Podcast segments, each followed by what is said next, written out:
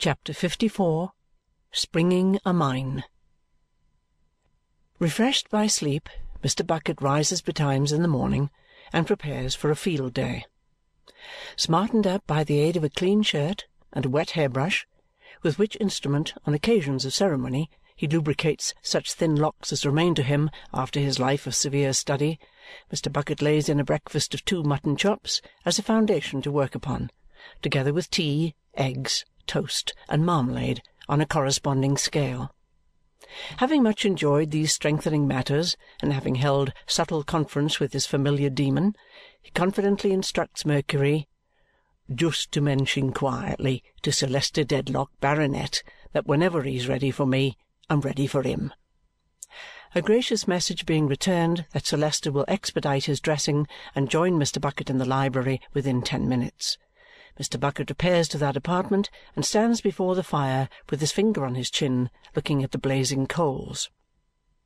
Thoughtful Mr. Bucket is, as a man may be with weighty work to do, but composed, sure, confident. From the expression of his face he might be a famous whist player for a large stake, say a hundred guineas certain, with the game in his hand, but with a high reputation involved in his playing his hand out to the last card in a masterly way. Not in the least anxious or disturbed is Mr. Bucket when Sir Leicester appears, but he eyes the baronet aside as he comes slowly to his easy chair with that observant gravity of yesterday in which they might have been yesterday, but for the audacity of the idea, a touch of compassion. "I am sorry to have kept you waiting, officer, but I am rather later than my usual hour this morning. I am not well. The agitation and the indignation from which I have recently suffered have been too much for me. I am subject to gout." Sir Leicester was going to say indisposition and would have said it to anybody else, but Mr. Bucket palpably knows all about it. "And recent circumstances have brought it on." As he takes his seat with some difficulty and with an air of pain, Mr. Bucket draws a little nearer, standing with one of his large hands on the library table. "I am not aware, officer," Sir Leicester observes, raising his eyes to his face, "whether you wish us to be alone, but that is entirely as you please. If you do, well and good. If not, Miss Dedlock would be interested "Why, Sir Leicester Dedlock, Baronet," returns Mr. Bucket with his head persuasively on one side and his forefinger pendant at one ear like an earring, "we can't be too private just at present. You will presently see that we can't be too private. A lady, under the circumstances, and especially in Miss Dedlock's elevated station of society, can't but be agreeable to me. But speaking without a view to myself, I will take the liberty of assuring you that I know we can't be too private." Ah, "That is enough." "So much so, Sir Leicester Dedlock, Baronet," Mr. Bucket resumes, "that I was on the point of asking your permission to turn the key in the door." "By all means." Mr. Bucket skilfully and softly takes that precaution, stooping on his knee for a moment from mere force of habit so to adjust the key in the lock as that no one shall peep in from the outer side. "Sir Leicester Dedlock, Baronet, I mentioned yesterday evening that I wanted but a very little to complete this case.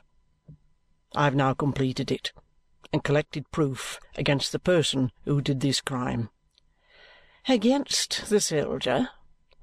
"No, Sir Leicester Dedlock, not the soldier." Sir Leicester looks astounded and inquires, "Is the man in custody?"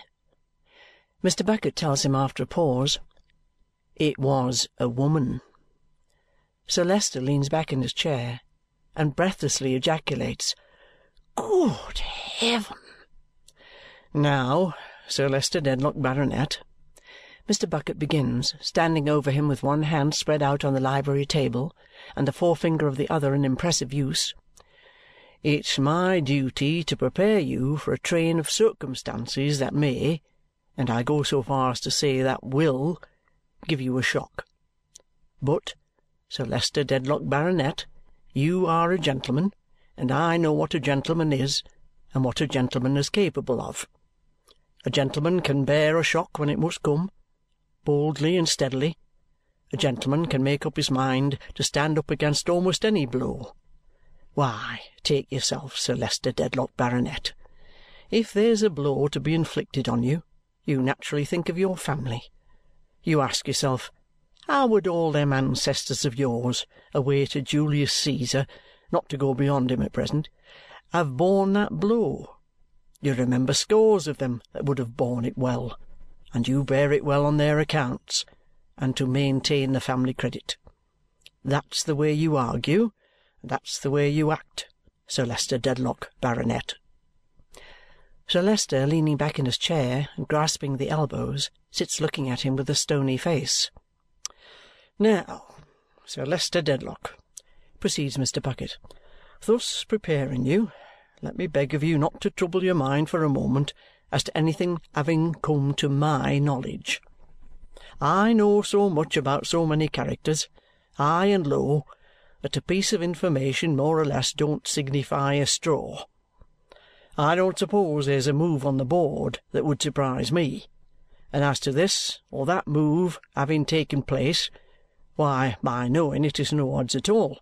Any possible move whatever, provided it's in a wrong direction, being a probable move according to my experience.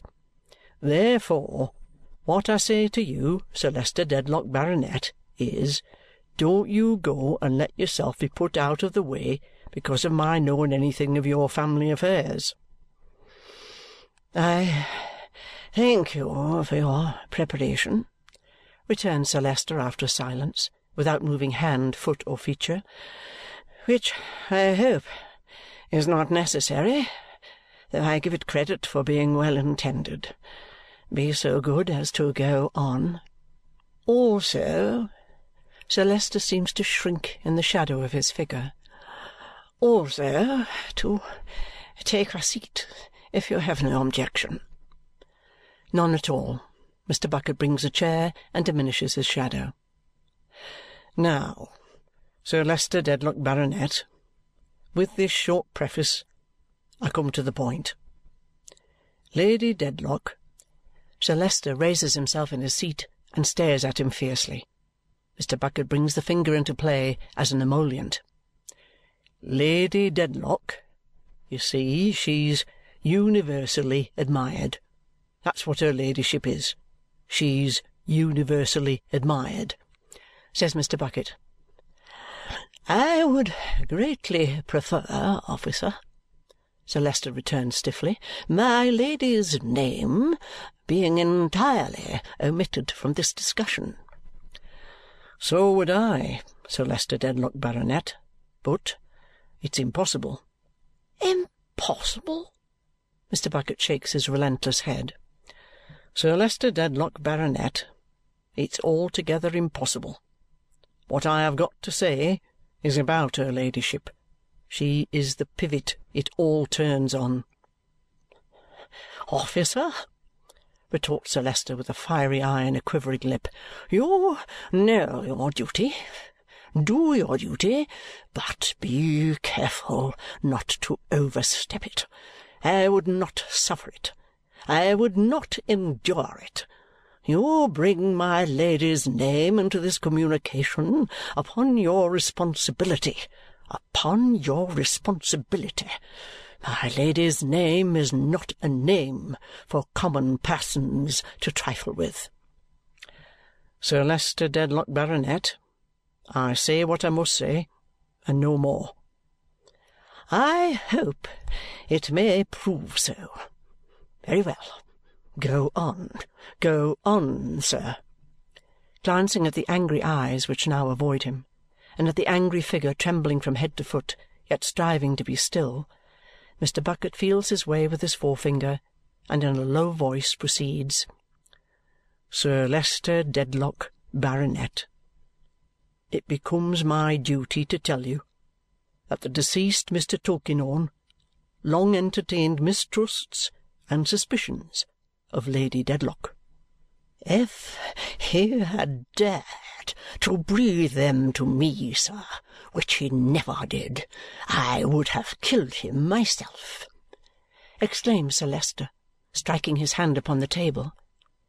But in the very heat and fury of the act he stops, fixed by the knowing eyes of Mr. Bucket, whose forefinger is slowly going and who, with mingled confidence and patience, shakes his head. Sir Leicester Dedlock, the deceased Mr. Tulkinghorn was deep and close, and what he fully had in his mind in the very beginning I can't quite take upon myself to say. But I know from his lips that he long ago suspected Lady Dedlock of having discovered, through the sight of some handwriting in this very house and when you yourself, Sir Leicester Dedlock, were present, the existence in great poverty of a certain person who had been her lover before you courted her and who ought to have been her husband."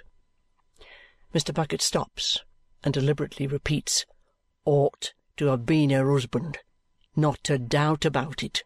I know from his lips that when that person soon afterwards died, he suspected Lady Dedlock of visiting his wretched lodging and his wretched grave, alone and in secret. I know from my own inquiries and through my eyes and ears that Lady Dedlock did make such visit in the dress of her own maid, for the deceased Mr. Tulkinghorn employed me to reckon up her ladyship, if you'll excuse my making use of the term we commonly employ, and I reckoned her up, so far, completely. I confronted the maid in the chambers in Lincoln's Inn Fields with a witness who had been Lady Dedlock's guide and there couldn't be the shadow of a doubt that she had worn the young woman's dress unknown to her. Sir Leicester Dedlock, Baronet, I did endeavour to pave the way a little towards these unpleasant disclosures yesterday by saying that very strange things happened even in high families sometimes. All this and more has happened in your family, and to and through your own lady. It's my belief that the deceased Mr. Tulkinghorn followed up these inquiries to the hour of his death and that he and Lady Dedlock even had bad blood between them upon the matter that very night. Now, only you put that to Lady Dedlock, Sir Leicester Dedlock, Baronet, and ask her ladyship whether, even after he had left here, she didn't go down to his chambers with the intention of saying something further to him, dressed in a loose black mantle with a deep fringe to it.